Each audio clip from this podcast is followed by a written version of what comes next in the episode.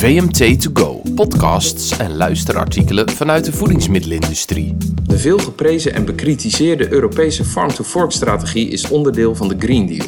Een van de strategische doelen is om biologische landbouwsector in Europa te helpen groeien tot 25% van de totale landbouwgrond in 2030.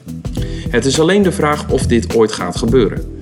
Want eerst moeten we massaal gaan afkicken van food-like substances, oftewel goedkoop geproduceerd en vaak ongezond massavoedsel. Tenminste, dat stelt uh, Maarten Molenaar, kwaliteitsmanager van uh, Do It. Uh, en ook Jan Groen, voorzitter van Bio Nederland. Nou, Maarten, hartelijk welkom. Jan, hartelijk welkom. Waarom? We zijn uh, vandaag te gast op uh, boerderij Het Paradijs in uh, Barneveld. En we hebben net even een rondje over de boerderij gelopen, zorgboerderij. Prachtige omgeving hier. Um, maar even over jullie. Maarten, heel kort bij jou beginnen. Wat doe jij bij Do It? Nou, ik ben bij Do It dus inderdaad kwaliteitsmanager, zoals je al zei. verantwoordelijk voor de kwaliteit en voedselveiligheid van alle biologische levensmiddelen, ingrediënten die wij, die wij importeren en distribueren. Ja, Jan Groen, dus ik zei het al, hè, voorzitter Bio Nederland, maar ook bezig met het bedrijf Green Organics, handel- of ketenregisseur van uh, biologische AGF. Ja, helemaal. Wij, zijn, uh, wij organiseren heel de keten van aardappelen, groente en fruit. Met name groente, fruit en aardappelen in die volgorde.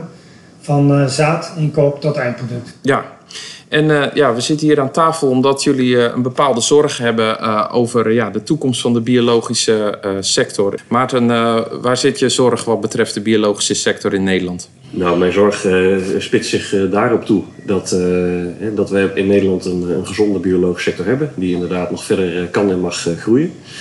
maar dat daarvoor dan ook wel de, daadwerkelijk de voorwaarden geschapen moeten worden. Ja. En waar, waar, zit hem dat dan, die voorwaarden? Kun je dat uitleggen? Nou, het, stuk, het stukje voorwaarden spitst zich toe op uh, problematiek die de biologische sector ook, uh, ook, uh, ook ervaart. Hè? En dat, dat gaat dan vooral veel over residu van diverse bestrijdingsmiddelen. Ja, want hoe zit het dan? Biologisch, dat is toch heel duidelijk, daar zitten geen bestrijdingsmiddelen in. Haha, nee, op de biologische gewassen worden geen bestrijdingsmiddelen gebruikt. Mm -hmm. Maar dat is uh, helaas niet hetzelfde als residuvrij. Je zult wel zien, en dat is ook in diverse onderzoeken aangetoond, dat een biologisch levensmiddel vergeleken met een vergelijkbaar gangbaar of conventioneel, zoals wij dat wel eens noemen, levensmiddel vaak veel minder residuen bevat. Ja. Um, en vaak ook veel minder verschillende residuen bevat dan een vergelijkbaar product. maar residuvrij is helaas niet, niet aan de orde toch zit er uh, af en toe wat dus in de biologische levensmiddelen. Maar Jan, hoe komt dat dan? Nou ja, 100% vrij uh, van residu garanderen, dat gaat niet. Dat komt omdat we biologische landbouw niet onder een glazen stolp uh, organiseren. Dat, dat wil zeggen dat je geen um, input hebt van buitenaf. Hè? Dus okay. dat je volledig vrij kunt telen. Dus voorbeeld, er is een boerderij daarnaast die op een reguliere manier teelt... en die gebruikt wel bestrijdingsmiddelen en dat waait naar de boerderij daarnaast die wel biologisch ja, werkt? Moet ik het zo algemeen, zien? Over het algemeen hebben buren daar wel goede afspraken over. Dat als de wind verkeerd staat, dat het dan niet gespoten wordt. Zeg Oké. maar. maar je moet het ook vergelijken met als Sahara-zand bij ons kan neerdalen op de auto's met de regen. Dan weet je wat uh, uh, residuen ook kunnen doen. Ja, dus wat de, de rijkwijde, en wij noemen dat drift. Hè, hoe ver uh, chemische middelen ook door de lucht kunnen verspreiden Ja. en alsnog op je gewassen kunnen neerdalen. Oké, maar dat is dus wel echt een, een reëel probleem uh, waar dus biologische telers en boeren altijd mee te maken hebben. Dus dat er van buitenaf heel veel contaminatie kan komen. Zeker, ja. Dat. En, en een andere component is dat uh, er ook persistente middelen uh, in de grond kunnen zitten. Ja, Dus middelen die misschien 5 tot 10, 20 jaar terug ingezet zijn, nog steeds via de controlemethodieken die we heden ten dagen kennen, aantoonbaar zouden zijn, minimale uh, hoeveelheden. ja, maar die inderdaad, omdat die detectielimieten zo laag liggen en omdat de labs uh, eigenlijk ieder molecuul afzonderlijk al kunnen vinden tegenwoordig met de nieuwe meettechnieken, komt dat allemaal naar boven, ook op biologische levensmiddelen. Ja, maar je moet, ik zal het wel iets anders vertalen. Kan het naar boven komen? Hè? Want uh, je zou denk ik Ja. kunnen wekken dat het op heel veel biologische producten aangetroffen wordt. Dat is natuurlijk niet zo. Nee, Dus het is minimaal, maar het komt wel voor. ja. Maar dat is dus een probleem. Daar lopen jullie wel tegenaan als sector. Ja, en ik denk dat dat met name komt doordat we steeds meer naar eindproductbeoordeling gaan van biologische producten. Mhm. Biologische Wat is dat, eindproductbeoordeling? Nou, dat je dus uh, een eindproduct, uh, het zij uh, graan, het zij groente, naar een laboratorium stuurt, daar een residucheck doet En dan gaan bepalen of iets wel of niet biologisch is. Oké. En daarmee trek je juist heel biologische landbouw en systeemlandbouw uit zijn, uit zijn voegen. Oké, want uh, door het op die manier te doen. Uh, heb je. eigenlijk heel proces uit het oog. Hè? Dus uh, biologische landbouw hè, gaat over de kernprincipes gezondheid, ecologie, eerlijkheid en zorg. In alle facetten. Ja. Daar grondgebonden ja. gaan toe. Dus leven in balans, leven en telen in balans met de natuur. Hm. Dat is biologische landbouw in de volle glorie. dat is eigenlijk door wet en regelgeving steeds meer geminimaliseerd tot een eindproductbeoordeling. Waarbij dan, als er wel of geen residu gevonden wordt, een product wel of niet biologisch zou zijn. Ja. Dat kan geen waarheid zijn. En dat is de zorg waar Maarten ook uh, uh, alle dagen tegenaan loopt, zou je kunnen zeggen. En dan niet in hele grote getalen, maar wel in dossiervorming, dat ja. dat hoofdpijn kan leiden. en het is niet, uh, niet ver om daar de, de teler of, of elke andere schakel in de biologische keten op af te rekenen. En dat zien we dus in toenemende mate wel gebeuren. Maar je zei eerder inderdaad dat er een schadelijke focus op residustatus van het biologische eindproduct is ontstaan. Ja, um, absoluut. Ja, precies. Maar hoe zou die focus dan moeten veranderen? Wat moet er dan precies gebeuren? Ja, wat we allemaal willen, we willen allemaal in de biologische sector een integer product. We willen een integer biologisch product. We willen kunnen vertrouwen dat wat wij verkopen, dat het ook, ook biologisch is. Hè? Ja. Uh, onder andere voor, uh, voor ons bedrijf uh, Do It we hebben geen plan B, wij doen alleen maar biologisch. Ja. Dus wij zijn uitsluitend daarop gericht en dat is ons enige belang. Ja, dus als een partij wordt afgekeurd, dan zit je. Dan zitten wij. Hè? We hebben daar geen afzetmarkt voor. Uh, we moeten dat met grote verliezen dan misschien toch als conventioneel proberen te slijten ergens. Ja, dat, dat doen jullie ook wel eens. Nou ja, als het, als het product eh, gereduceerd wordt uh, van zijn biologische status, dan zul je er iets mee moeten. Ja. En, vernietigen van voedsel is wel het laatste wat wij doen. Nee, dat snap ik. Kun je daar een voorbeeld van geven? Want je hebt uh, een partij. Ja, ik kan daar wel een, ik kan daar wel een concreet voorbeeld over geven. Uh, een stof die al langere tijd opgeld doet is fosfonic acid. Dat is een van de afbraakproducten van het niet toegelaten fossil aluminium. Mm -hmm. Um, maar mocht ook op zichzelf uh, uh, gebruikt worden, jarenlang. Uh, tot 2013 ook in de biologische landteelt en verwerking. Dat is een hele persistente stof, zeker op meerjarige teelten, zoals amandelen, appels, peren enzovoort. Mm. Um, maar kan ook gewoon in de bodem aanwezig zijn op organisch materiaal. Ja. In de biologische sector gebruiken we natuurlijk bij uitstek compost en stalmest, et cetera, ja. voor de bodemvruchtbaarheid. Nou, als je dat, dat, die stof vindt, dan is het niet onlogisch om uit te zoeken waar komt dat vandaan. dat willen we natuurlijk zelf ook. We willen uitsluiten dat er een fossitiel aluminium gebruikt is. Ja. als dan uiteindelijk de conclusie van de, de organisatie die de teelt certificeert is, dat dit, dit residu op dit product aanwezig is om een reden die zij weliswaar niet nader kunnen verklaren, maar dat zij wel zeker weten op basis van hun inspanningen hè, dat hier geen sprake is van een verboden gebruik. Ja. Dan zou zo'n product biologisch moeten kunnen blijven. En ja. zou zijn status moeten behouden. Ja. En dat zien we dus gebeuren. Zeker eh, als dat product van buiten Europa komt, maar ook als het van binnen Europa in een ander land komt. Dat het in toenemende mate onder druk staat. Dat die uh, dat die, eigenlijk die uitspraak van de control body in het land van oorsprong ja. uh, tegengesproken wordt door onze eigen certificerende instantie. Het is misschien nog goed om ook even te duiden dat de biologische wet en regelgeving alleen over een stukje ecologie gaat. En dat is wat Maarten dan zei, de boer die weet precies wat hij wel en niet mag doen, hoeveel vruchtwisseling dat hij moet aanhouden, hoe hij met zijn bodem om moet gaan, enzovoort. Dat is beschreven. De componenten gezondheid, eerlijkheid en zorg. En zorg, dan gaat het over zorg voor mensen, dieren, plant en planeet. Mm -hmm. dus de, in de volle natuurcyclus, zeg maar, dat is niet beschreven. Dus dat moet allemaal eromheen nog georganiseerd worden. Dat is ook een interessante, want we zijn natuurlijk helemaal naar het, nou, als we dan de ecologische kant van hoe, teel, hoe bedrijf je biologische ja. landbouw georganiseerd hebt, ja. beschreven en uitgevoerd, dan kun je door drift en andere input toch nog aan de verkeerde kant van de, van de weegschaal terechtkomen. Ja. Dat kan eigenlijk niet aan de orde zijn. En dan is inderdaad uh, de wake-up call ja, 25% biologisch areaal in 2030. Dat gaat dus gewoon eigenlijk niet gebeuren. En ook niet in 2040 en in 2050. Dat is de stelling die ik zou willen poneren. Dat gaat alleen wel gebeuren als we de moed hebben om politieke keuzes te maken. Ja. Uh, een heel duidelijk voorbeeld van het gebrek aan moed daarvan zien we aan het feit dat de hele residuproblematiek en het spreken over harmonisatie pas in 2025 geagendeerd is door de Europese Commissie. Ja. Um, daarnaast zien we natuurlijk ook in onze eigen politieke constellatie in Nederland dat uh, er weinig aandacht is voor het oplossen van problemen en dat we keuzes moeten maken. Ja. Um, daarbij is natuurlijk al uh, het nodige aan de gang uh, rondom de landbouw en de veeteelt in Nederland. Ja. hebben we ook jarenlang de boeren in een hoek geduwd waar ze niet willen zijn. Een boer wil graag een product voortbrengen. Hm. Ehm, en die wil dat graag doen op een, uh, op een manier die, die houdbaar is, hè, economisch, maar natuurlijk ook voelt zich ook verbonden met zijn grond. Ja.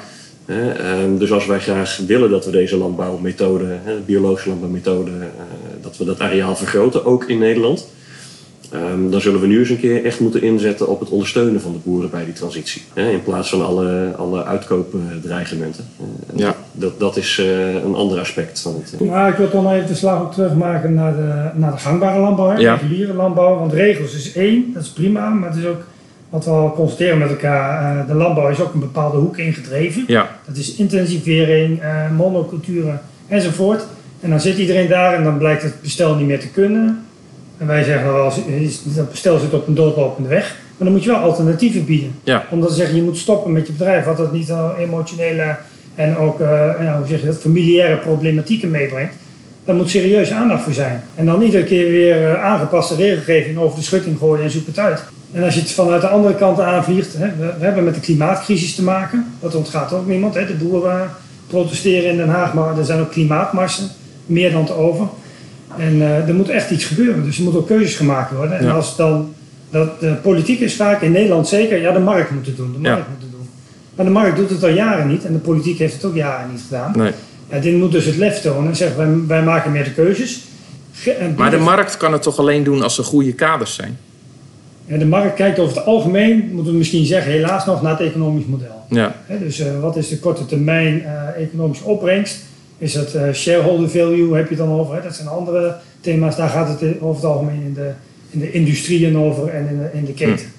En dat, dat is een contradictie met waar het over zou moeten gaan. Als het mm over eerlijkheid en, en volhoudbaarheid Ja, maar goed, dus de, het boerenbedrijf zit redelijk in de hoek uh, op het moment. Maar in hoeverre zou volgens jullie, uh, zeg maar, uh, het biologische boeren een antwoord kunnen zijn op de problemen in de ja, reguliere boerensector? Zou, de, zou die een sleutelrol kunnen gaan spelen? Ja, absoluut. Alleen dat moet ook in balans gebeuren. Want de biologische sector kenmerkt zich ook dat ze telen voor een markt die er ook daadwerkelijk is. Ja.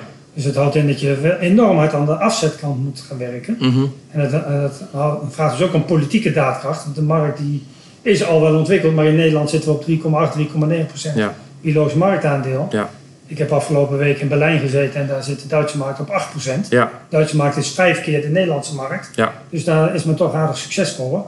Een Duitse consument heeft ook nog veel meer uh, commitment met, met de reguliere, ja, met de ja. teelt. En die is nog... Ah, er is natuurlijk al jaren veel meer aandacht voor in Duitsland. Maar bijvoorbeeld als uh, dan wordt gesproken over 25% biologisch areaal... zou dat dan zich ook moeten vertalen naar 25% uh, eh, biologisch... zeg maar in het schap van de supermarkt, in, in producten? Nou, dat is interessant. Dat kun je nog een aparte vertaalslag op maken. Als je mee op één doorlegt, ja. Maar het zou eigenlijk veel verder moeten. En wat nu de het retaillandschap zegt van ja, de consument neemt het ook niet of het uh, komt niet verder. Mm. Nou, daar wordt, gaat ook de komende tijd meer onderzoek naar gedaan worden. Ja.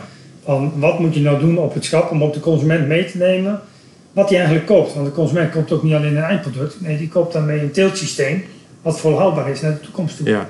En, en er is ook al jaren wel gesproken over uh, eindproducten met deels biologische ingrediënten. Zit daar dan nog een oplossing? Want dan kan je ook gewoon reguliere producten pakken die deels biologisch uh, zijn. Dat was in het verleden zo, dat is eigenlijk steeds meer uitgefaseerd. Ja. Dus het gaat steeds meer naar 100%. Uh... Eh, ja. En Maarten, hoe kijk jij aan tegen dezelfde vraag als uh, biologisch? In hoeverre dat een antwoord kan zijn op zeg maar, de problemen in ja, de voedselproducerende sector als geheel?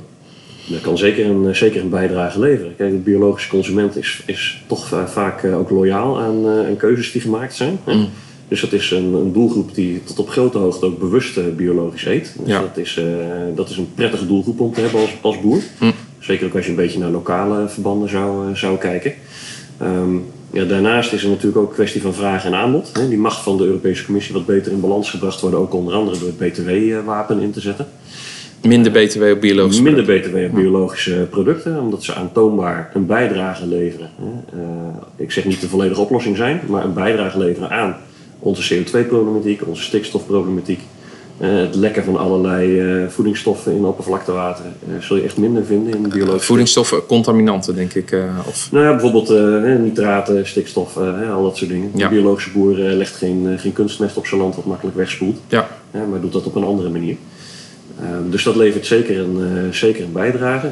Het, het geeft ook de, de, de, boer die nu uh, conventioneel teelt, ehm, misschien weer wat meer middelen om ook uh, boer met de natuur te zijn, zoals ja. ik het zou willen noemen. Ik denk dat geen één boer dat niet wil. Ja, daarnaast, um, op het moment dat je in Europa deze wetgeving hebt, wij zijn natuurlijk ook goed in Europa in het exporteren van wetgeving. Dat bedoel ik bijvoorbeeld de duurzaamheidswetgeving of over, over het, het, produceren van kleding. Maar ook voedselveiligheid. Maar ook, ook voedselveiligheid. Wij stellen eisen. Hè. Um, goed, de rol van Doe het in de keten is om uh, biologische producten te importeren. Uh, dat doen we graag. We organiseren ook zelf uh, een, aantal landbouw, een aantal landbouwprojecten. nou goed, om dat dus in de toekomst ook goed te kunnen blijven doen. Hè, want die producten, daar is, daar is vraag naar. Die kunnen niet allemaal in Europa geteeld worden. Hm. Uh, zullen we dus ook deze problematiek moeten tackelen als we het hebben over residuen. Ja, precies.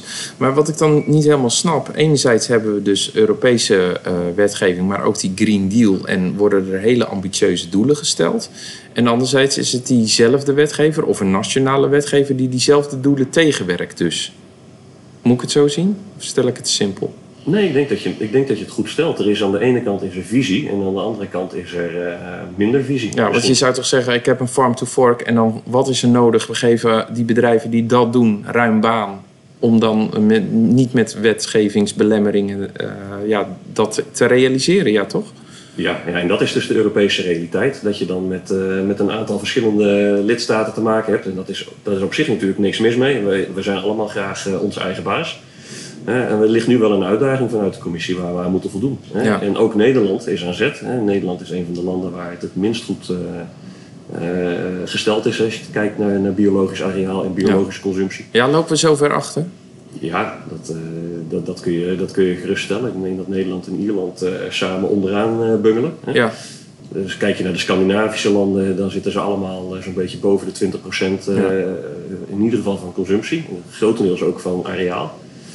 Eh, ja, in Nederland is dat natuurlijk nog een beetje anders. Hoe komt dat dan, uh, Jan? Ja, in Nederland blijven we eigenlijk eindeloos praten en, uh, en doen niks. Ja. Dat, is, dat, is heel vreemd. Maar even terug naar die twee geluiden uit Brussel. Hè. Die Green Deal 20 mei 2020. Hè, want als een cadeautje uit de lucht valt, maar dat, sprak, dat spreekt natuurlijk visie uit. Ja.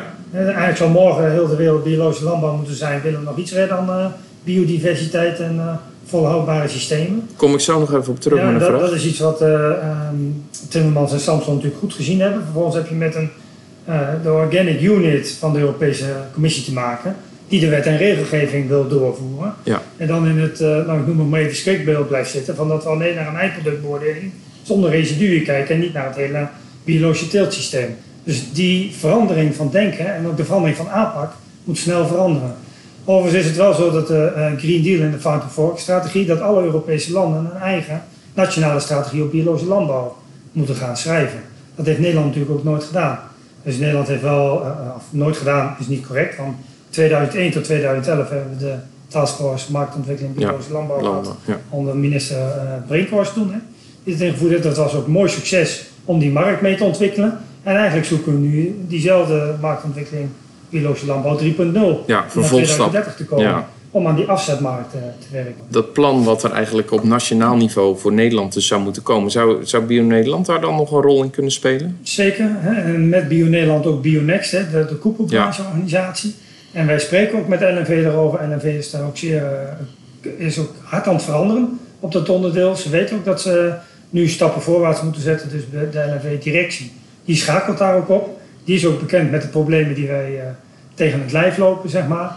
En die denken daar ook in mee, van hoe we dat kunnen doorontwikkelen. Ja. Dus daar zie je wel goede ontwikkelingen of is daar nog nou, heel zien, veel te winnen? in ieder geval dat er nu oog en oor is. En niet alleen dat, maar dat er ook uh, inzet en middelenbereidheid ja. is. En daar is het de afgelopen jaren wel aan geschort. Wat verwachten jullie dan eigenlijk in deze van uh, zeg maar eindproducenten van voedingsmiddelen, maar ook misschien de supermarktketens? Eigenlijk verwachten we daar gewoon ons echt verantwoordelijkheid nemen. Dus niet alleen praten over duurzaamheid en eerlijke ketens, maar daar ook echt uh, met planmatig met de keten uh, invulling aan geven. Ja. Kijk, greenwashing en al dat soort zaken is niemand vreemd. Dat is veel aan de orde nu. Maarten, hoe kijk jij daar tegenaan? Greenwashing. Nou, nee, maar meer eh, van de rol die eindproducenten en supermarkten zouden moeten oppakken. Ja, precies dat. Hè. Eh, neem daarin ook verantwoordelijkheid. Ik bedoel, het is één, het is één aarde waar we met elkaar op leven. Eh, we zullen toch daar naartoe moeten. En dit is één van de, van de oplossingsrichtingen. Ja, je zegt één van de oplossingsrichtingen. Ik stipte net al even aan, daar ga ik nog wat over vragen. Want er zijn ook zat experts die zeggen, ja, biologisch, dat is inderdaad hartstikke prachtig allemaal. Maar als we de hele wereld, bij wijze van spreken, biologisch zouden moeten voeden, dan uh, hebben we twee planeten nodig. Uh, hoe kijken jullie daar tegenaan? Is dat zo? Nou, Jan? Ik, vind dat een uh, in zichzelf gekeerde visie. Het is ook wel verdedigbaar dat die visie nog altijd zo is met degene die dat altijd doen, maar gepredikt hebben. Als je heel altijd ingezet hebt op intensivering en monocultuur enzovoort, ja. dan is het wel heel lastig. Ik ben onlangs naar het toneelstuk van Mansholt geweest. Ik weet niet of, of je het kent. Maar minister Mansholt kwam ook pas na zijn officiële termijn tot één keer dat hij dacht wat heb ik eigenlijk aan beleid opgezet? Dat was voor die tijd op zich helemaal niet zo vreemd, want er was sprake van uh, hongersnood en dergelijke zaken. Maar uh, we moeten in Nederland echt van het schrikbeeld af dat wij heel de wereld zouden moeten voeden. De wereld die voedt zichzelf wel, hm. zou je kunnen zeggen. Daar waar wij met onze kennis en goede producten een bijdrage te leveren hebben, voor een markt die ook de juiste waarde aan onze producten toekent, geen probleem, hè? dat moeten we ook vooral doen. Maar we kunnen uh, onze kennis ook prima verspreiden over de wereld heen. En daar uh, hm. beter lokaal, biologisch lokaal telen en daar lokaal voeden. En daar waar het nodig is, nog een beetje reizen over de wereld. Maar dat hoeft niet zo heel veel meer. Maar Nederland verdient nu toch veel geld als Nederland exportland van voeding ook? Ja, en dat economische model is maar net zo houdbaar als ons uh, bestel is om het voedsel ook voor te blijven brengen. Mm -hmm. Er is recent ook nog weer in het nieuws geweest hè, in Zeeland met alle fosfaatproblematieken daar. Uh, het klopt ons aan de deur. Hè? Uh, Als we niet ingrijpen in hoe wij uh, landbouw bedrijven en hoe we veeteelt bedrijven, dan, dan komt er op enige termijn een eind aan de mogelijkheid van deze landbouwgronden om voedsel voor te brengen. En dan is het economische model ook heel snel afgelopen. Ja. Dus het vraagt om keuzes. Ja, en wat voor keuzes? Minder vlees eten? Nou, dat kan er één van zijn. Hè? Dat gaan we allemaal niet leuk vinden, want we moesten allemaal graag een keer een stukje vlees. Hè? Um, maar dat heeft er inderdaad mee te maken. Ja. Als, wij, als wij graag duurzaam uh, op deze aarde willen blijven wonen, ja. dan zullen we dat op zo'n manier moeten doen uh, dat het in balans is. Ja. en die balans, die balans is nu zoek. Ja, we hadden het wel even. Kijk, we hebben natuurlijk miljarden mensen en dat worden er de komende jaren alleen maar meer. En die moeten inderdaad wel allemaal op een goede, maar ook efficiënte manier gevoed worden. Um, dan ben ik toch altijd aan het denken van ja, is biologisch daar dan inderdaad een oplossing in? Er zijn natuurlijk ook allerlei andere denkrichtingen. Eh, laatst nog een eh, onderwerp gemaakt over bijvoorbeeld uh, CRISPR-Cas. dat is toch een, die nieuwe manier van gentechnologie eigenlijk, waarbij je dus bepaalde genen aan en uit kunt zetten, waardoor je eigenschappen van een plant, zodat je ze ziekteresistent kunt maken of je kunt de opbrengst vergroten, uh, kunt toepassen. En die mogelijkheden lijken eindeloos en daar staat de wetgeving ook nog in de weg in Europa vanuit jullie perspectief, hoe, hoe kijken jullie daar dan tegenaan? Want wat mensen die zeggen van ja, we moeten de wereld redden en de voedselketen. En uh, ja, daar hebben we de CRISPR-Cas hard bij nodig, anders gaat het niet lukken. Ja, ik zou toch zeggen, we, we kunnen al een paar duizend jaar onszelf voeden zonder, eh, zonder CRISPR-Cas. En ik weet dat dit uh, waarschijnlijk wel uh, op wat commentaar zal komen. Hè? um, maar laten we het eerst eens op de, op de, op de normale manier proberen, om het maar even zo te noemen. Hm. Maar ja, toen, in al die, al die jaren hadden we geen 10 miljard mensen natuurlijk nog op aarde. Die hebben we nog steeds niet. Maar nee, dat klopt. Uh, maar... En, en uh, kijk, als je naar de wereldrangorde kijkt, hè, de Chinezen die bezitten al de halve wereld. Hè, dus het gaat allemaal over voedselbeschikbaarheid. Mm -hmm. Dan hoeven we hier in Nederland niet te vertellen hoe die Chinezen moeten eten. Ze halen wel hier, uh, hè, als er in China problemen zijn, zorgen, dan halen ze wel de melkpoeder. De melkpoeder, ja, ik wou zeggen. het gewoon heel goed geproduceerd is. Ja. Maar vervolgens worden natuurlijk ook fabrieken gebouwd over heel de wereld waar ze die melkpoeder daar wel gaan maken. dus volgens dezelfde standaarden. ja. ja. dus dat blijft niet uh, tot in lengte van jaren houdbaar, zeg maar. Mm -hmm. En overigens, we moeten ook niet vergeten, voor de Tweede Wereldoorlog was er geen chemische uh, bestrijdingsmiddelen. Toen mm. was, werd alles in natuurlijke ja. uh, hoedanigheid ook geteeld. Dus de mens gaat steeds meer denken dat wij wel bepalen hoe de natuur zich dient te gedragen. We komen net uit een periode, afgelopen zaterdag is uh, de anderhalve meter afstand weer losgelaten, want we vinden dat we weer meer samen kunnen doen. Maar als we eh, de tijd weer laten terugkeren naar wat voor het coronatijdperk was, dat we denken dat ongedwongen te kunnen doen, daar grijpt de natuur wel op in. En dus het is, maar het is vraag, de vraag is van technisch geknutsel, à la CRISPR-Cas of gentechnologie. Dat is uitgesloten in de biologische landbouw. Dat gaat er ook niet in komen. Nee. Uh, iemand die daar heel veel en veel beter over kan vertellen als Maarten en ik is Edith Lammers van Buren. Zij is voorzitter van de Bioacademy. Die kan feilloos uh, vertellen van uh, waarom moet dat niet zijn. Mm -hmm. Omdat ze daar technisch beter in had. Nou, daar ben ik wel heel benieuwd naar. Want die meningen lopen... Dan, dit gaat wel tot een hele principiële, dis fundamentele discussie leiden de komende jaren. Ja. Omdat er ook genoeg mensen bijvoorbeeld aan de Wageningen Universiteit zijn... die er heel anders over denken. Ja, dat klopt. Ja, dat, en dat mag ook. Ja, natuurlijk. Dat mag, dat mag verschil van mening zijn. Ja. Hè, maar de, als we het hebben over de biologische landbouw en, en uh, het voortbrengen op een biologische manier van voedsel, dan horen daar bepaalde principes bij. En CRISPR-Cas is er daar niet één van. Nee. Um, Veredeling wel of ook niet? Ja, veredeling gebeurt, uh, gebeurt continu. Hè? Ja. En, dat, uh, en dat gebeurt zeker ook in biologische gewassen. En, ja, zij zeggen dan van ja, het is eigenlijk veredeling, maar dan met een kortere route. Die ja. geen jaren kost. Maar we zijn in Nederland ook meesters in alles uh, recht lullen wat kroon is, zeg maar. Hè? Dus dat is daar moeten we ook wel voor oppassen. Hè? Dus, en daarom is het echt prachtig. Ik noem die vier principles van de biologische Ja. landbouw. Die zijn eigenlijk zo geniaal. En daar wil iedereen proberen op in te breken. Net als dat je op substraten zou kunnen telen, omdat het net zo duurzaam is in plaats van in de grond. Dat is allemaal op vertical farming, hè? Ja. Ook, ook mooi, zal ook de toekomst zijn. Ja. Het zal op onderdelen de toekomst zijn. Hm. Maar ja, dat is een stukje persoonlijke invulling van mijzelf. Als de mens zichzelf boven de natuur denkt te kunnen stellen, dan uh, is het einde nog eerder nabij dan dat je zou denken. Dus we moeten daar ook wel gewoon uh, op een gepaste manier in de wereld staan. Een ander punt wat eigenlijk ook nog Maar speelt. dus, daar schuilt een, een levensvisie natuurlijk achter. Ja, voor, voor mij zeker nog. Voor Maarten en mij denk ik zeker. Ja. Ik zag vanmorgen toevallig nog een, uh, een post over het uh, kerkbezoek. Dat het weer meer kan, zeg maar, volgens mij. Dus, ja, uh, ja. dus dat, is, dat is zeker de christelijke overtuiging die daarbij zit. Uh, en, en ik heb ook, ook wel iets tegen dat de mens zichzelf zo groot maakt. Want uh, je kunt ook, ook uh, van vandaag op morgen ziek worden. Hè? Je Ja. kunt kanker krijgen, terwijl we weten dat het uit bestaat. Ja. Hè, uh, er was iemand die mij twee jaar terug benaderde en zei: Jan, uh, glyfosaat is kankerveroorzaker nummer Ja. één. Waarom wordt het niet overal verboden? En dat heeft met lobby's te maken. Mhm. Van de chemische industrie.